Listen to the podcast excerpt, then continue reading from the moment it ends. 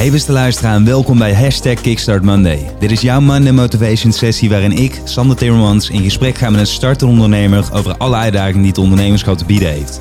Waar lopen ze tegenaan en hoe gaan ze ermee om? Jij stelt vragen, ik geef advies en samen maken we er een heel goed begin van de week van. Let's go!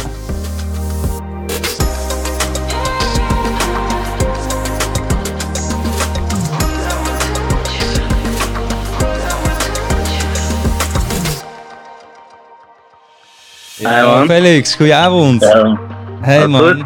Zeker, en met jou? ook goed. Top, leuk dat je er bent. eh, ja, dankjewel. Leuk dat ik kan zijn. Ja, toch? Beste mensen, dit is Felix. Hij is eh, een van de co-founders van The Activewear Company. Eh, Ja. Check de pagina even, zou ik zeggen. Het shirt wat ik nu aan heb is van hun. Dus dan denk je, als je meteen denkt van... Ja. hé, wat een tof shirt. Hij heeft het gemaakt en ontworpen. Ja, ziet er goed uit. Ja, toch? Ja, staat goed. Hey, leuk eh, dat je er vanavond bent, eh, Felix. Ja. Ik had je al eh, in het introotje verteld van... ik vind het heel interessant om ook met startende ondernemers in gesprek te gaan. Ja, ja, Om te kijken waar jij allemaal tegenaan loopt. in deze zin dan bij het oprichten van een eigen kledingmerk. Ja. We hebben het er al eerder een keer kort over gehad wat er allemaal bij komt kijken. En ja, wat de moeilijkheden allemaal zijn waar je het in het begin mee te maken krijgt. Ik zie inderdaad, ja, mijn geluid is Ja. iets slechter. Ja, ik weet ook niet waar dat aan ligt. Ik kan dat nu niet... eh, Hoor jij me goed in ieder geval? ik, ik hoor jou goed, ja. Ah, alright. Dan, eh, nou, mochten meer mensen er last van hebben, dan zou ik zeggen, laat het even weten. Maar in ieder geval om bij jou te beginnen, die Activewear Company. eh, waar is het idee ontstaan? Hoe ben je erop gekomen? En wat brengt jou op het gebied van mode? Ja, dus ehm nou, ten eerste wat mij op het gebied van mode brengt, is eigenlijk gewoon een ja, passie vanaf jongs af aan. Ik heb het altijd wel heel leuk gevonden. Of het kwam een soort van natuurlijk voor mij om een beetje met stoffen bezig te zijn en meer naar de details te kijken eh, op het gebied van kleding.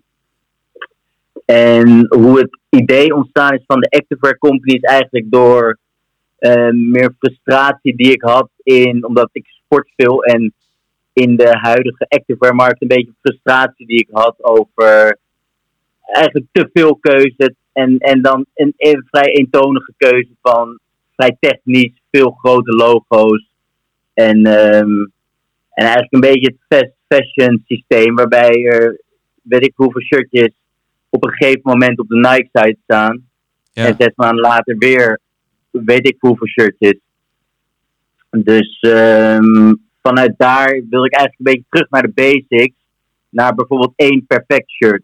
En dan echt om, om de jonge, jonge eh, actieve, ja, noemen we, zeg maar de, de millennials, die jonge actieve ondernemers te ondersteunen in die actieve levensstijl die zij dan hebben. Ja, En ehm, ik dacht, dan wil je ook niet. Ja, je- het hoeft allemaal niet te opvallend te zijn. Het moet gewoon één perfect shirt zijn in zeven kleuren. Je hoeft er niet over na te denken.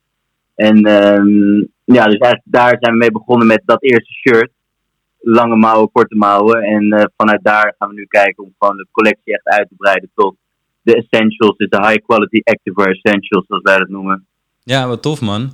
En kan je dat eens Ja. uitleggen van, want dan heb je op het duur een idee van ja, ik wil een eigen, eh, eigen kledinglijn uitbrengen. Je hebt de, Ja. de basis van het concept staan, wat je al zei, Activewear Essentials. eh, voor de mensen die veel in beweging zijn, dus zowel op Ja. het fitnessgebied als gewoon in het leven. Ja, precies. Eh, maar voordat je dan zeg maar van dat idee naar eh, dit hier eh, in het echt komt, daar zitten nog wel wat stappen tussen natuurlijk. Waar begin je Ja. dan mee? Nou, bij mij begon het ehm, eigenlijk. Het ging best wel snel van hoe, hoe het eerste idee kwam tot eigenlijk naar Portugal gaan gewoon. Maar waar het mee begon was ehm, conceptueel kijken van wat moet, wat maakt het shirt nou eigenlijk perfect. En ehm, aan de hand daarvan gewoon een, een design tekenen. Dat, daar had ik dan wel ervaring mee. Dus dat zijn dan echt de technische tekeningen. En ehm, vanuit daar ben ik echt vrij snel gewoon online gegaan op zoek naar ehm, eh, fabrieken in Portugal. Of althans in Europa vond ik belangrijk. Omdat we wel dat stukje sustainability ehm, hoog in het vaandel hebben. En omdat, we, eh, omdat ik het belangrijk vond om, eh, om het lijntje kort te houden. Ehm, omdat ik had wel ervaring met een eerder kledingmerk wat ik eh, heb gedaan. Dat, eh, zeg maar, er, gaat, er gaat heel veel meer in zitten om één zo'n shirtje perfect te krijgen. Ja, Ik dacht, mocht er wat gebeuren of mocht het niet duidelijk zijn, wil ik daar snel naartoe kunnen. Wil ik makkelijk met ze kunnen communiceren. Ten opzichte van bijvoorbeeld in China is het toch moeilijker om een beetje de, zeg maar, Engels te praten eigenlijk. Dus ehm, vandaar dat Portugal daar naartoe gegaan, een aantal, aantal fabrieken bezocht. En dat heb ik in drie dagen gedaan of zo. En toen eentje was de klik gewoon goed. Zij snapte het concept. Ik, ik vond hun werkwijze prettig. Leuke mensen. En, en natuurlijk belangrijk dat je in kleine oplagen uh, kan afnemen. Dus zo begon. Ja, zeker. En uh, moet ik het dan voor me zien, uh, want je zegt nu, praat je nog in de ik-vorm. Had jij je co-founder al direct bij dit idee betrokken of is die er later pas bijgekomen? Want je doet het samen met één iemand anders, toch? Ja, ik doe het samen met Casper. Hij was er vrij snel al bijgekomen. Dat, dat stukje naar Portugal. Eigenlijk toen ik in Portugal was, via online contact hebben we besloten dit samen te gaan doen. Dus dat is um, vrij snel vanaf het begin wel uh, is Casper erbij gekomen. Ja, ja precies. Ja, is dat, ja. En vind je dat een prettig idee? Want ik, ik heb dat ook vaker in dat onderzoek bijvoorbeeld gevraagd aan mensen. Want eh, wat je vaak krijgt is als mensen iets met z'n tweeën gaan doen, zijn twee redenen waarom mensen dat vaak willen. De ene is een soort van een beetje valse manier van veiligheid creëren. Want dan is het van, oh, dan zijn we met z'n tweeën, dus dan voelt het wat veiliger. Anderzijds is het heel fijn, uh, en dat is denk ik de goede reden, als je elkaar op bepaalde eh, punten aanvult die dat de ander uh, lekt, zeg maar. Of waar je gewoon ja. simpelweg niet zo goed in bent. Hoe zit dat bij jullie? Nou, bij, bij mij erg, ik wist ik weet zeg maar, wel enigszins mijn slechte punten. Ik, ik ga vaak een beetje van de hak op de tak en ben heel erg bezig met gewoon het doen, zeg maar. Um, plus meer het, design gedeelte wat ik, uh, waar ik dan mee bezig ben. ben. Dus um, wat hier heel fijn aan is aan onze samenwerking, dat hij juist iets neutralere factor is en uh, iets beter, zeg maar, rustiger nadenkend en uh, dus um, dat, dat is vooral uh, aanvullend bij ons wel, uh, is wel het geval, ja. Ja, zeker. Ja, dat lijkt me een mooie aanvulling dan wat je zegt. Ook ja. juist omdat je dan inderdaad ja, je vol kan focussen op het maken van die designs en dat echt perfectioneren. Ja, en als je dan al je tijd of veel tijd kwijt zou zijn aan, aan de, de rest wat er allemaal naast loopt, dan ben je nu natuurlijk ook wel, maar in iets mindere mate lijkt me, dan, uh, dan is die focus wat meer verdeeld. Ja, ja. Dus dat is echt een beetje eigenlijk het e-commerce gedeelte en het, en het creatieve gedeelte als het ware. Ja, daar gaan we zo nog, uh, nog zeker verder, uh, verder op in. Mensen die net zijn aangesloten, van harte welkom vanavond. Ik zei al, ik uh, praat hier met Felix, start een ondernemer, eigen kledingmerk opgezet, die Activewear Company. als je denkt, ja, wat maken ze dan precies? Het shirt wat ik nu aan heb, zit super chill, hebben zij bijvoorbeeld gemaakt. En er komen nog veel meer producten aan. maar in essentie gaat het vanavond over het opzetten van je eigen kledingmerk en dat from scratch. En dat zijn hele interessante stappen in het begin. ik zei het net al, ik heb ook een onderzoek onder veel jonge ondernemers gedaan. En daar wordt ook vaak echt om de praktische dingen gevraagd. Dus bijvoorbeeld hoe heb je die eerste stappen gezet? Hoe maak je je website? Hoe regel je financiers? Uh, wanneer je een partij kleding moet aankopen, neem ik ook aan dat je daar een voorschot of iets voor moet betalen. Ja. Dus dat zijn ook dingen die, uh, die meespelen. En ik wil jullie allemaal vragen, als je nou vragen hebt, uh, wat ik me bijna niet kan voorstellen dat het niet zo is, dan stel die even onder in die balk die je ziet als je hier onderdeel van, van bent. Dat kan je anoniem doen of gewoon in het openbaar gedeelte. Want het is wel een beetje mijn intentie om over een minuut of vijftien hier een vragenronde te gaan houden, dat het lekker interactief wordt. Want ik weet ook al veel over uh, wat Felix precies doet. Maar om daar even hem verder op te pakken, Felix, dan um, ja. ga je dus eerst zoeken inderdaad in Portugal. Omdat jij dan weet uh, vanuit je eerdere ervaring ook, van daar zitten ook fabrieken. Ik weet dat zelf toevallig ook, omdat ik daar wel een soort onderzoek naar heb gedaan. Maar ja. maak je dan direct afspraken bijvoorbeeld? Of, of ga je daar gewoon naartoe en ga je letterlijk uh, door bepaalde industrie, industriegebieden rijden of zo? Nee, ik, ik heb... Um ik heb wel echt online afspraken gemaakt eigenlijk. Dus ik heb aan de hand van uh, technische tekeningen had gemaakt, die, die heb opgestuurd, zeg maar. En uh, dus al mailcontact van tevoren gehad. Überhaupt wil ik weten, wat kun je dit maken? Want natuurlijk ook bepaalde fabrieken specialiseren zich in andere dingen. Dus dit moest bijvoorbeeld, en, en zeg maar, waar ze gespecialiseerd zijn in Jersey, dus echt het breien. Um, dus die fabriek heb ik al een beetje gefilterd. En um, heb ik wel echt af, afspraken gemaakt van ik ben dan en dan in Portugal kunnen we, uh, kan ik langskomen. Ja. Um, ja, dus dat, dat, ik, vond ik, ja, dat vind ik belangrijk. Dat ik wel eens maar met een doel daar naartoe ga. Ik denk dat dat ook verstandig is. Ik kreeg later nog de tip voor uh, dat je de um, ambassade, zeg maar, hier, de Portugese ambassade in Amsterdam moet, um, of in Amsterdam, in Nederland moet contacten, omdat zij een lijst hebben van hey, alle fabrieken, zeg maar. Ja, precies. Ja. Dus, uh, die tip kreeg ik later, dat heb ik niet gedaan, maar dat vond ik wel een goede in ieder geval. Ja, en Ruben vraagt van hoe zorg je er dan bij voorbaat voor dat je weet dat die leveranciers duurzame materialen en dergelijke gebruiken? Uh, nou, vaak staat het eigenlijk al op de site. Dus je hebt een aantal uh, zeg maar labels van uh, EOTech en allemaal dat soort dingen. Dat, dat de fabrieken kunnen ehm, garanderen zeg maar, dat zij ehm, de sustainable materialen gebruiken en samenwerken met stoffenleveranciers die ook op de juiste manier te werk gaan. Ja, dus dat staat vaak online. En je hebt gewoon de bekende labels die, uh, die daarvoor van belang zijn. Ja, precies. En als je dan zelf naar locatie gaat, dan kun je natuurlijk ook een hoop zien, aanvoelen en, en kijken of het inderdaad daadwerkelijk zo is. Hey, en eh, Felix, wat waren dan uh, op het moment dat je daarmee bezig bent? Want je zegt, je bent die ontwerp aan het maken, je bent leveranciers aan het zoeken. Ik kan me niet voorstellen dat je ook niet in je hoofd een bepaald risico aan het inschatten was. Misschien een bepaalde onzekerheid had. Dat je dacht van ja, ik ga toch uh, naar Portugal, daar ga ik een zak geld neerleggen van produceer maar die eerste, eerste levering dan. Wat waren de dingen waar je mee struggelde? Nou, wat ik heel belangrijk vond is, en daar zijn we eigenlijk nu in dit eerste jaar nog steeds mee bezig, is dat ik uh, veel wilde testen, zeg maar. Ik wilde niet gelijk een hele hoop shirts kopen en dachten van, en denk van, nou ja, dit willen mensen, dus ik ga er heel veel in kopen en ik ga het verkopen en dat lukt wel. Zeg maar, dus wat, wat voor mij echt van belang was, is dat ik klein kon inkopen. En dat is denk ik eh, redelijk moeilijk bij een fabriek. Um, om dat een soort van af te dwingen. Dus vandaar ten eerste vond ik het belangrijk om naartoe te gaan.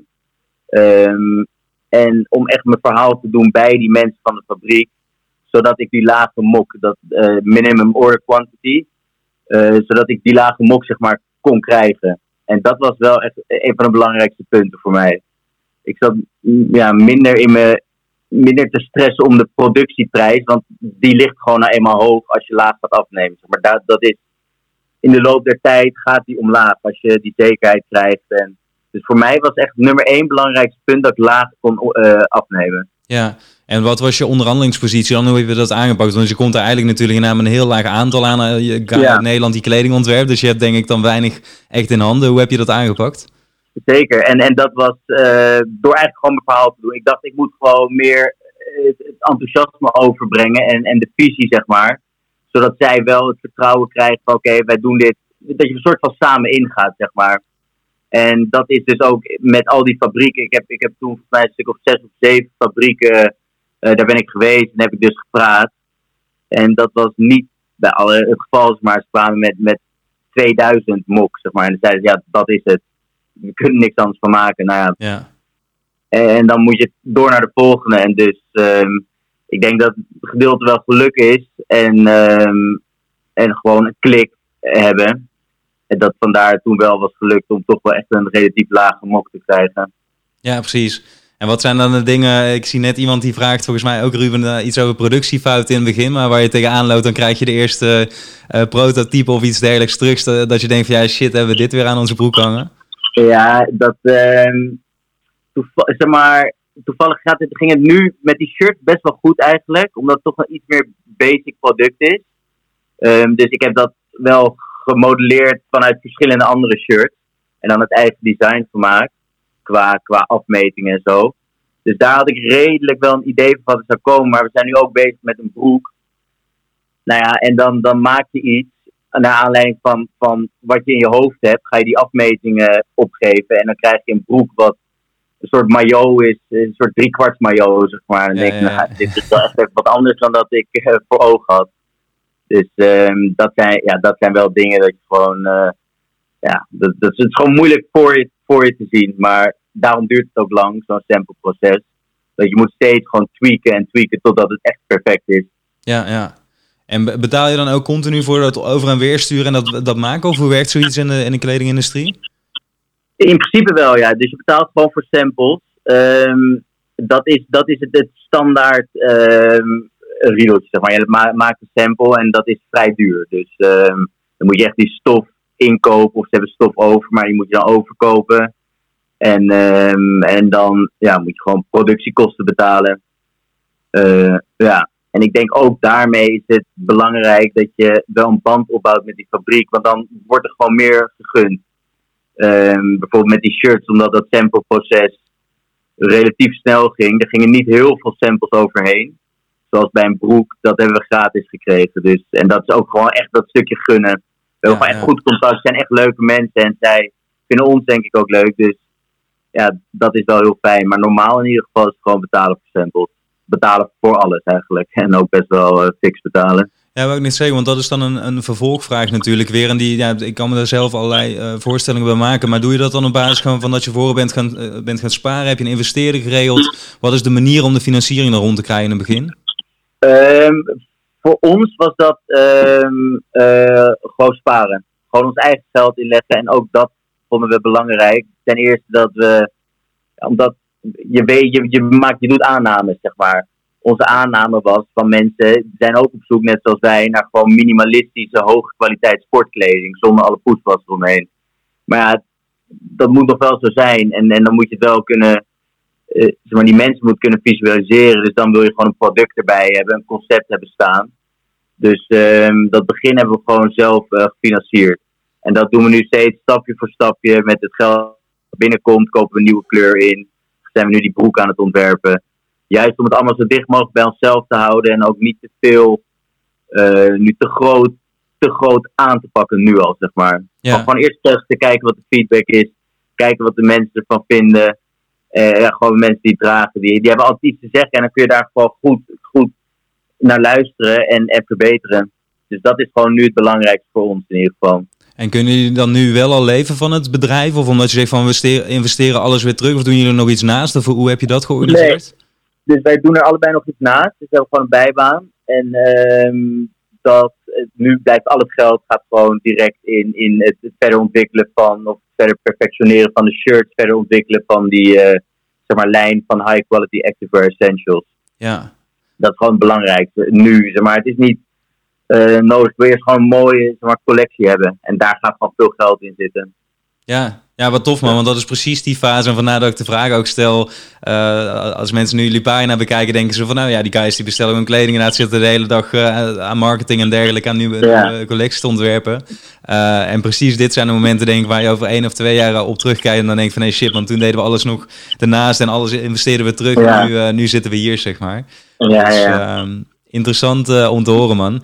Ik eh, Ja. zag net nog een vraag. Ik pak ze ertussen gewoon even, eh, even uit, want anders dan, dan raak ik ze achterop. Maar op welke basis van welke kwaliteiten selecteer je de stoffen die je gebruikt?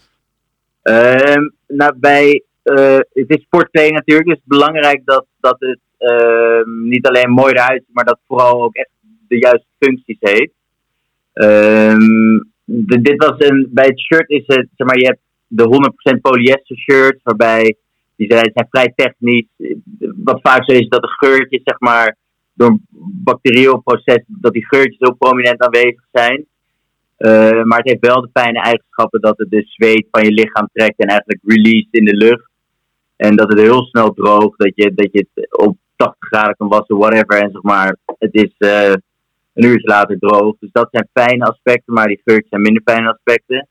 Dus wij hebben eigenlijk een combinatie gemaakt van ehm, die, die eigenschappen dat het snel droogt. Maar wel de eigenschappen van katoen dat het heel eh, lekker zit en dat het niet zo die geurtjes opneemt. En eh, dat je het gewoon makkelijk kan wassen. Dus het is per product denk ik anders wat van belang is. En dat moet je gewoon heel goed nagaan. Ja, Gewoon echt heel goed nagaan van wat is belangrijk in een t-shirt, wat is belangrijk in een broek.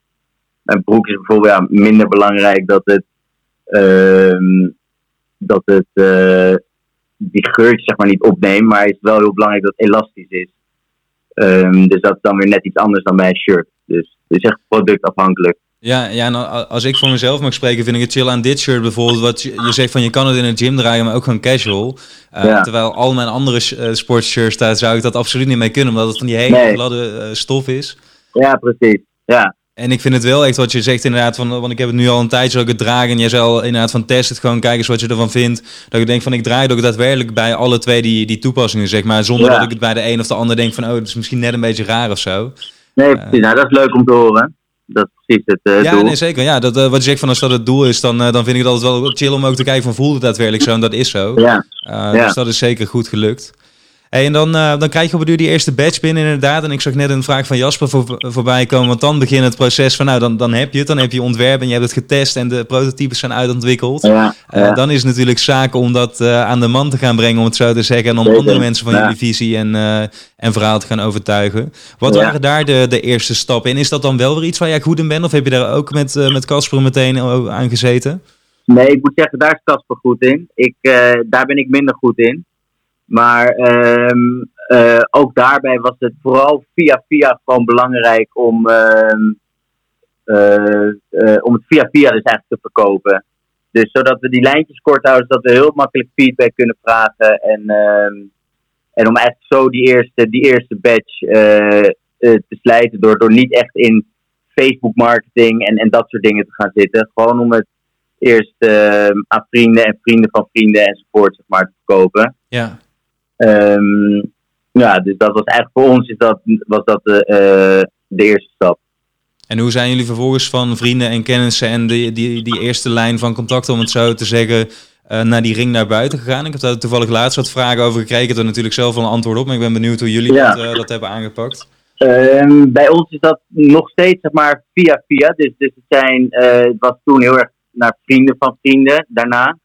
Um, en zo via via zijn we weer bij samenwerkingen gekomen. Uh, dus met, met sportscholen, met um, een, een, een botenmerk. Die hebben we, hebben we samenwerking mee gedaan. En echt een soort uh, echt een t-shirt voor hun ontworpen. Ja. Um, dus, om, uh, dus wij houden het heel organisch op het moment. We wilden expres, daar zijn we ook nog steeds niet mee bezig, de, de online advertenties doen en zo. Um, we willen gewoon kijken hoe ver we, we kunnen komen met alles organisch en alles via via. En dat gaat nu eigenlijk vrij goed. Dus er komen weer nieuwe samenwerkingen aan met een sportschool en een soort uh, winkeltje in een sportschool in Amsterdam. Dus um, ja, tot nu toe gaat het echt via via uh, erg goed.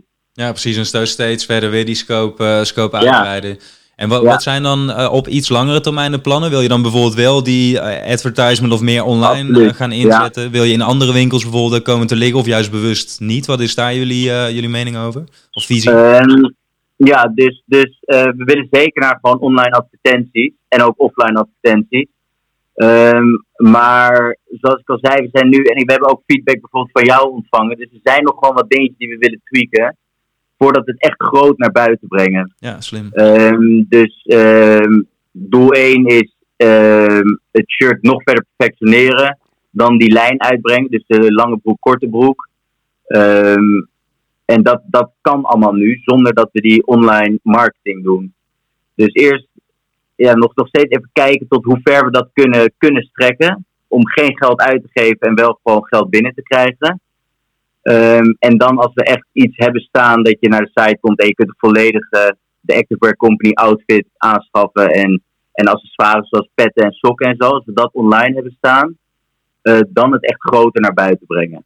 Ja, dus eigenlijk wat jij zegt is van we hebben een product waar we zelf wel al tevreden mee waren, maar ja. wat uh, nog niet perfect was. En het hoeft ook helemaal niet, kan misschien zelfs ook wel niet, want je hebt nog niet op al die lichaamstypen die dat jullie producten nee. kopen getest. Nee, precies.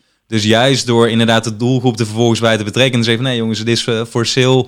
Uh, check ja. het, test het inderdaad. Laat ons ook zeker weten als er dingen zijn die je misschien anders zou willen. Kan je het product echt perfectioneren en dan pas zet ja. je door op de grote, uh, grote lijnen. Exact, ja. Dus dat is precies wat we eigenlijk nu doen. Ja, ik vind dat ja. uh, voor de mensen die nu kijken of die dit later terug gaan kijken, dit is altijd een belangrijk puntje bij mensen die uh, willen starten met ondernemen. Is dat je op een duur heb je dat idee, wat jij bijvoorbeeld ook zei van nou, we willen activewear gaan maken, uh, shirts en op een duur ook broek en andere basics die je zowel ja. in de gym kan dragen als in het echt. Um, en dan ga je dan natuurlijk over brainstormen kijken van wat wordt precies het concept, waar laat je het produceren en dergelijke. Maar op een duur kom je inderdaad op dat punt van dan moet je het gewoon online gaan zetten of in ieder geval gaan ja. verkopen en in contact brengen met die doelgroep.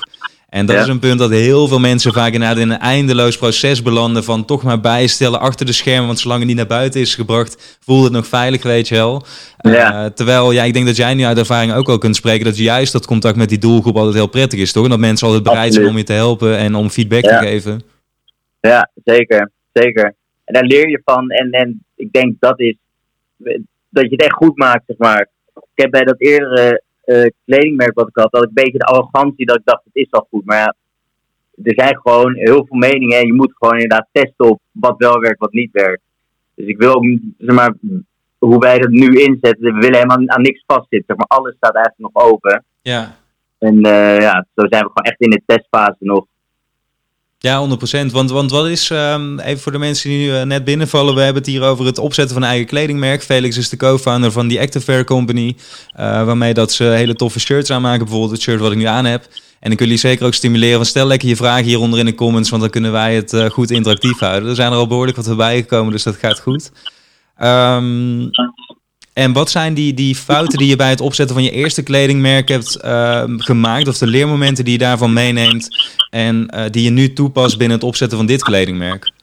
Ja, dat, dat zijn uh, bijvoorbeeld, dus als ik het even loshoud, conceptueel en, en product, zeg maar, is product ten eerste, ik weet niet of dat een fout is, maar voor mij werkt dat minder goed, is in China produceren. Dat maakte de lijn gewoon te lang, te ingewikkeld. Um, door te denken dat ik dacht van dit is wat mensen willen. En een beetje die, die soort halve arrogantie, zeg maar, dat ik dacht net, ik maak dit, dit willen mensen, dus ik ga het gelijk heel, heel groot inkopen. Want als ik dit allemaal verkoop, dan heb ik een omzet die is bizar. Dus ja. ja dat, dat te, te naïef en, en enthousiast ook. Um, dus dat was er één. En dan conceptueel was het ook zo dat, dat ik dacht van ja, moet er een verhaal aan zitten. Het is gewoon mooie kleding, dus dan willen mensen dat. Moet, moet er echt een, nog, reden, nog verder een reden achter zitten. Ja. Dus dat zijn wel dingen die ik nu echt heb geprobeerd mee te nemen. Um, door ja, nou, dus onder andere die, die lage mok en gewoon het testen en um, ja, dat soort dingen. Ja, wat jij nu omschrijft is een beetje de klassieke gedachte inderdaad van vroeger was gewoon een goed product op zich misschien al goed genoeg. En tegenwoordig gaat het natuurlijk steeds meer om verhalen en naar beleving, de cultuur binnen een bedrijf. Van Ja. wat draag je nou eigenlijk voor verhaal wanneer je dit shirt bijvoorbeeld draagt? Ja. Uh, en ja, en ik vind... vind... Oh, sorry, sorry. Nee, zeg het maar. Ja. Nee, en, maar dat vind ik wel ook oprecht een heel belangrijk punt. Dat het ook wel een. een je moet er gewoon mee willen, willen identificeren. En ja, dat heb ik onbewust heb ik dat ook heel erg met merken. Alleen dat heb ik nooit zo bewust meegemaakt, zeg maar. Totdat ik er nu echt middenin zit en wel merk van ja, ik koop ook iets niet als ik zeg maar niet het verhaal eromheen gewoon vet vind. Ja, zeker. Ik bedoel niet per se de about us of zo, dat stukje, dat, dat stukje tekst, dat kan iedereen schrijven, maar gewoon wie draagt het en wat, wat draag je als merk gewoon echt uit. Ja, zeker. Ik vind dat uh, Daily Paper dat heel erg tof doet. Ik heb dat ook altijd in mijn Absoluut. hoofd, omdat ik dat verhaal van hun zo vaak heb gehoord. Ja. Ook wat jij zei met het, uh, het, zoeken naar leveranciers. En dat die guys dan gewoon ook inderdaad door Azië en ik weet niet waar ze allemaal hebben rondgereisd om uh, fabrieken te checken. En wat Ja. ik heel tof vond is dat er bijvoorbeeld laatst was er een shirt waar dat ze een... Um, even denken, hoe heet dat nou? Niet American Express, maar in ieder geval zo'n um, zo'n punt waar je geld naar bijvoorbeeld Zuid-Afrika kan sturen. Ja. Uh, omdat dat heel vaak gebeurt, zeg maar, dat mensen dat naar hun families moeten sturen. Ja, ja, ja. En dat zei van ja, we hebben gewoon dat, dat logo daarvan op een shirt gedrukt. En alleen de mensen who know, who know, zeg maar. En Ja, toen hoorde ik dat en ook van shit, ja, er zitten allemaal van die hints en culturele dingen in die hele kleding en die hele story verwerkt. En dat vind ik echt heel erg tof. Dat je daar along the way leer ik ook heel veel eigenlijk door hun kleding, om het zo te zeggen. Nee, ja, precies. En dat is gewoon dan bij hun, denk ik, de, de harde kern die zeg maar weet van wat, wat het echt, wat, wat dit verhaal is en zo. En die dragen dat dan, denk ik. En daardoor gaat iedereen het dragen, omdat zo komt dat steeds een beetje naar buiten. Maar zo krijg je wel die harde kern, die echte fans, omdat die dat verhaal en eh, eh, gewoon zo, dat het zo aansprekelijk is voor hun. Ja, zeker. Um, Ja. Ik kreeg net nog de vraag, ik denk dat dat antwoord dat je al wel hebt gegeven, maar hoe zorg je er juist in die testende fase voor dat het nog niet perfect is, dat de kwaliteit wel goed genoeg is, dus dat je het wel wilt verkopen? Ja, dat, nou, ik zou het nooit verkopen als de kwaliteit niet goed is. Dus dat is gewoon waar je in dat sampleproces op moet hameren. Die moet gewoon goed zijn. Um, dus ik zou niks naar buiten brengen als, als de kwaliteit niet exact zo is als dat jij wil. Ja. Maar er zijn bepaalde punten waar je wel aan kan werken, die je wel kan perfectioneren. Zoals jij net zei, elk, ik bedoel, zijn weet ik hoeveel lichaamstypes, weet je wel. En daar kun je in tweaken, want dat is de, de mening van je klant en, en wat je terug, teruggekoppeld krijgt. Um, dus daar, daar moet je gewoon uh, de aanpassingen doen. Maar de kwaliteit is, is wel echt van belang vanaf punt 1, zeg maar. Of voelen in ieder geval. Ja, precies. Dus je, je, je, garandeert die kwaliteit tot aan je eigen maatstaf, zover jij dat kan bepalen. En vervolgens dan ja. uh, breng je naar buiten, betrek je de rest ja, erbij. Precies. Ja, ja. Even kijken, ik zag nog een andere vraag van Levi voorbij komen. Hoe zorg je dat die community actief betrokken wordt bij een merk vanaf het begin? Ja, dat is dus door ten eerste denk ik goed je doelgroep te hebben. Dus, dus goed voor ogen te hebben zoals wij dat bijvoorbeeld dan heel erg hebben met de jonge actieve ondernemer. Dus uh, een ondernemer hoeft niet dat je een onderneming hebt, maar dat je gewoon een ondernemend persoon bent. Dus echt op uitgaat, zeg maar. En um, door dat goed voor ogen te hebben en eigenlijk die mensen proberen aan te spreken, um, denk dat je ze zo wel goed betrokken houdt. Ja, zeker. En dan kan je ze vanaf het begin inderdaad mee op reis nemen. Dan, dan blijven ze eigenlijk al meteen uh, goed betrokken natuurlijk. Ja, en ook dat met, met dat, die testfase is het... Je leert gewoon van wat vindt jouw doelgroep interessant. Uh, waar luisteren ze naar, waar kijken ze graag naar. Dat soort dingen. En dan kun je daar gewoon gaandeweg steeds meer over te weten komen. En op inspelen. Ja, zeker. En ik, ik denk dat dat ook wel een van mijn nummer één tips zou zijn. En ook wat ik bij alle jonge ondernemers die ik heb gesproken, ook voor de podcast en dergelijke heb gehoord, is dat een veelgemaakte fout, en jij noemde het eigenlijk ook al met je eerdere uh, modemerk, is dat je uh, de hele tijd denkt van nou, houd ik even voor mezelf. Terwijl hoe eerder je het eigenlijk met je doelgroep gaat bespreken, ja. Uh, wat ik bijvoorbeeld ook met dat onderzoek heb gedaan, ja, daar komt zoveel waardevolle ja. info uit. Maar plus, even los van die info, voelen mensen zich ook al betrokken bij je merk. En ja. dat is eigenlijk nog veel sterker. Dat je vanaf het begin al de banding maakt en het, uh, en het opengooit. Ja, dat denk ik ook zeker. Hey, en jouw uh, omgeving, hè? want dat is weer een ander aspect wat ik dan vaak voorbij zie komen. Van hoe reageren vrienden, bijvoorbeeld ouders, uh, andere mensen op dit plan. Want is natuurlijk, uh, er kan van alles misgaan tussen het, het beginnen, het ontwerpen en dat het uiteindelijk straks booming is. Hoe ja. reageerden die daarop? Zijn die allemaal super supportive of waren er ook wat mensen die twijfelachtig waren? Nee, echt voornamelijk wel heel supportive. En twijfelachtig, ik denk dat er zeker wel, wel een aantal mensen zijn die, die bijvoorbeeld minder de visie of zo zien, of minder, minder zich kunnen, kunnen identificeren met een, een kledingmerk oprichten.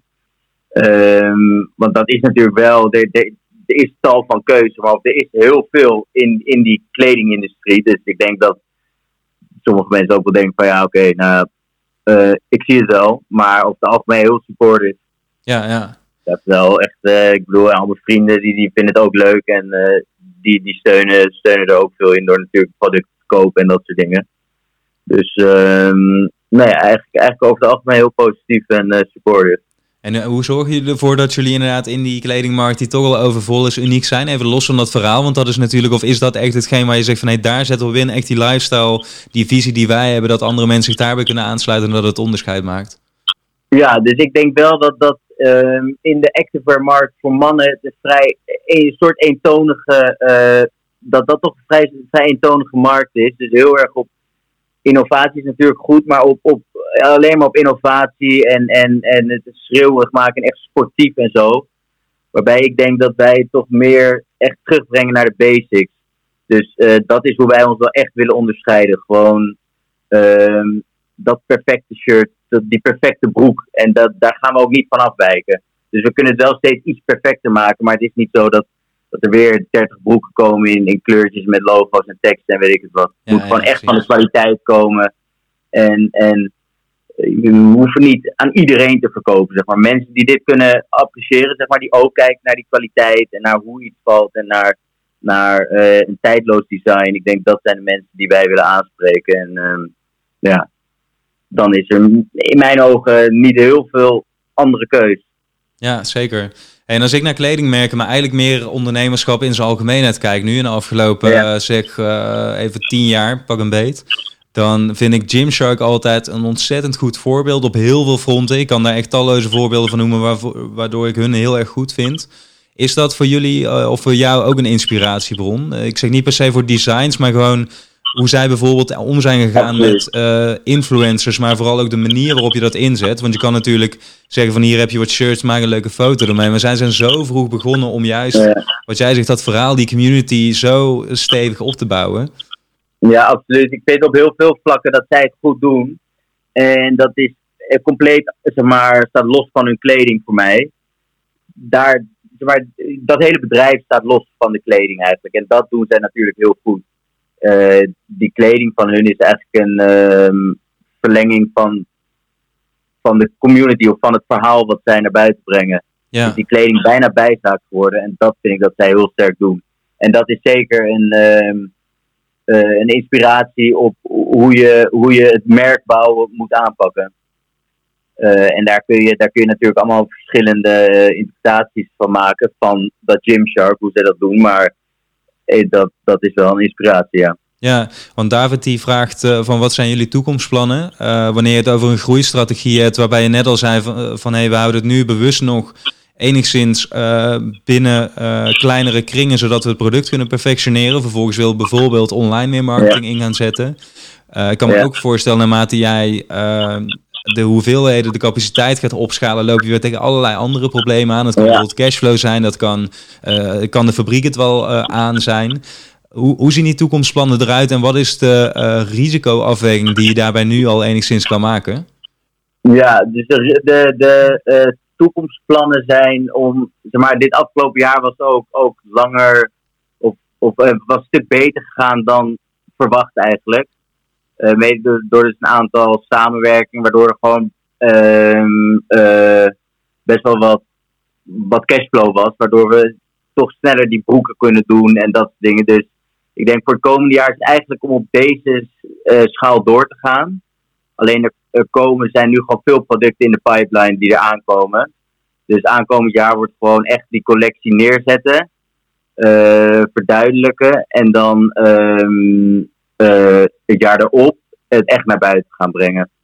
En dan bekijken we het eigenlijk op, op vrij korte basis steeds.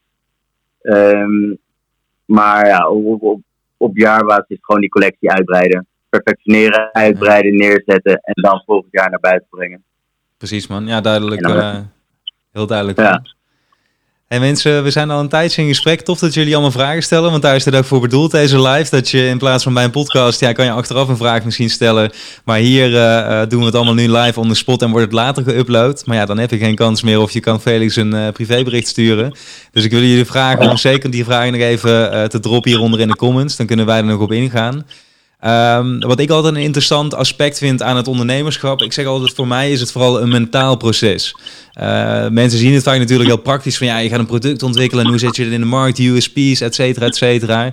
Maar het hele avontuur van het ondernemen is uh, voor mij echt een grote mentale rollercoaster waar je uh, jezelf klaar voor moet maken. Waar je ook een beetje, wat jij ziet, juist alles van het moment moet laten, kunnen laten afhangen.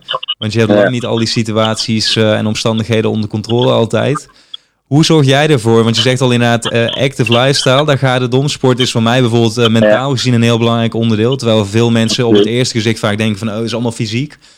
Hoe zorg jij daarvoor dat je uh, lekker ontrek blijft en dat die mindset gewoon goed zit?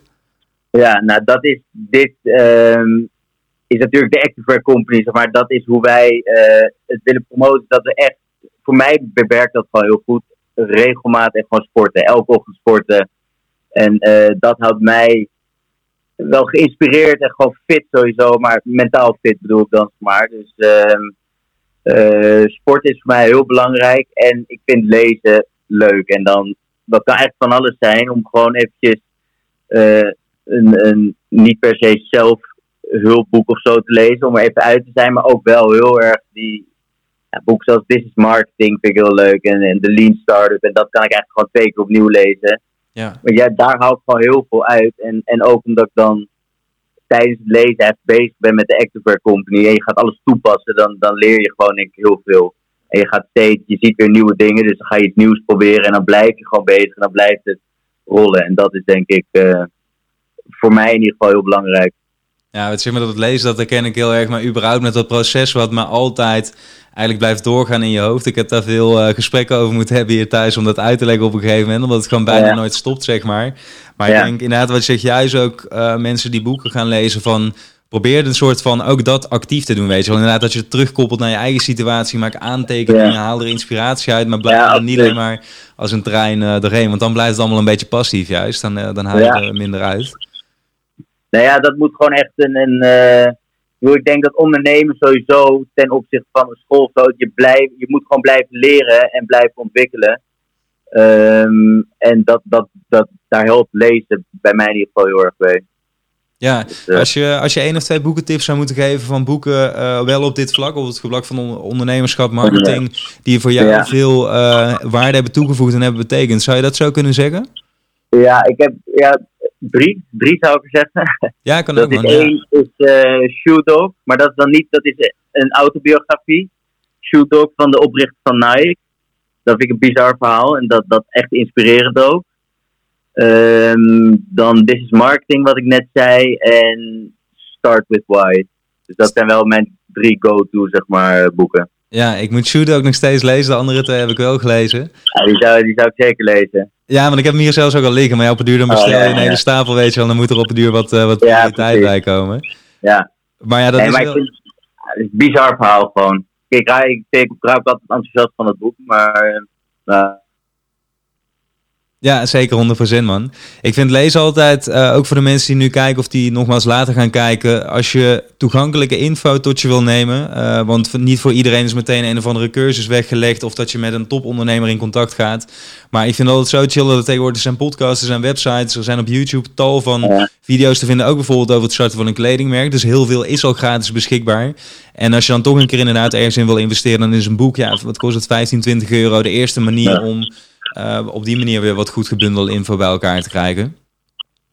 Hey, ehm, 100%. als je nu terugkijkt naar dat eerste eh, traject hè, wat jullie nu hebben doorlopen. Je hebt al een keer een, eh, een kledingmerk opgezet. Jullie zijn nu alweer eh even onderweg. Ehm, wat was dan het moment dat jullie echt even op je bek zijn gegaan? Dat het echt even niet lekker ging? Of dat je, er, dat je dacht van nou gaat het wel allemaal op die manier lukken zoals we het voor ogen hadden? Ja, dat is. Nou, we, we hebben wel een paar stressmomentjes gehad. Bijvoorbeeld, zeg maar, nou, corona speelt natuurlijk wel. We zijn midden in corona begonnen. Ehm, maar qua productie zijn er wel wat puntjes geweest dat, dat de fabriek op zeg maar, een kwart van de capaciteit draaide. En wij hadden dus samenwerking met Wire, dat, dat bootmerk. En daar hebben we een x aantal zeg maar, shirts in de echt laten produceren. En eh, eh, samen met hun ontworpen. En ehm, op het moment dat zij die nodig hadden, zeg maar ten eerste het sample wat we kregen was goed. Dus daar hebben we akkoord op gegeven.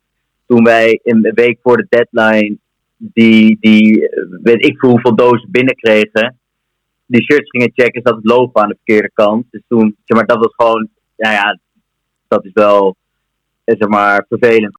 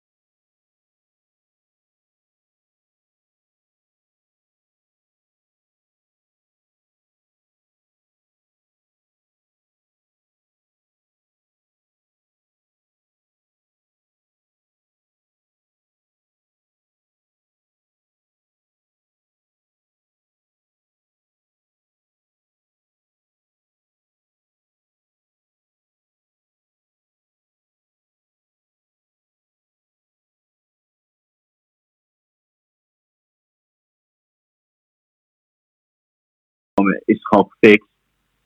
Ehm, Dus goede communicatie.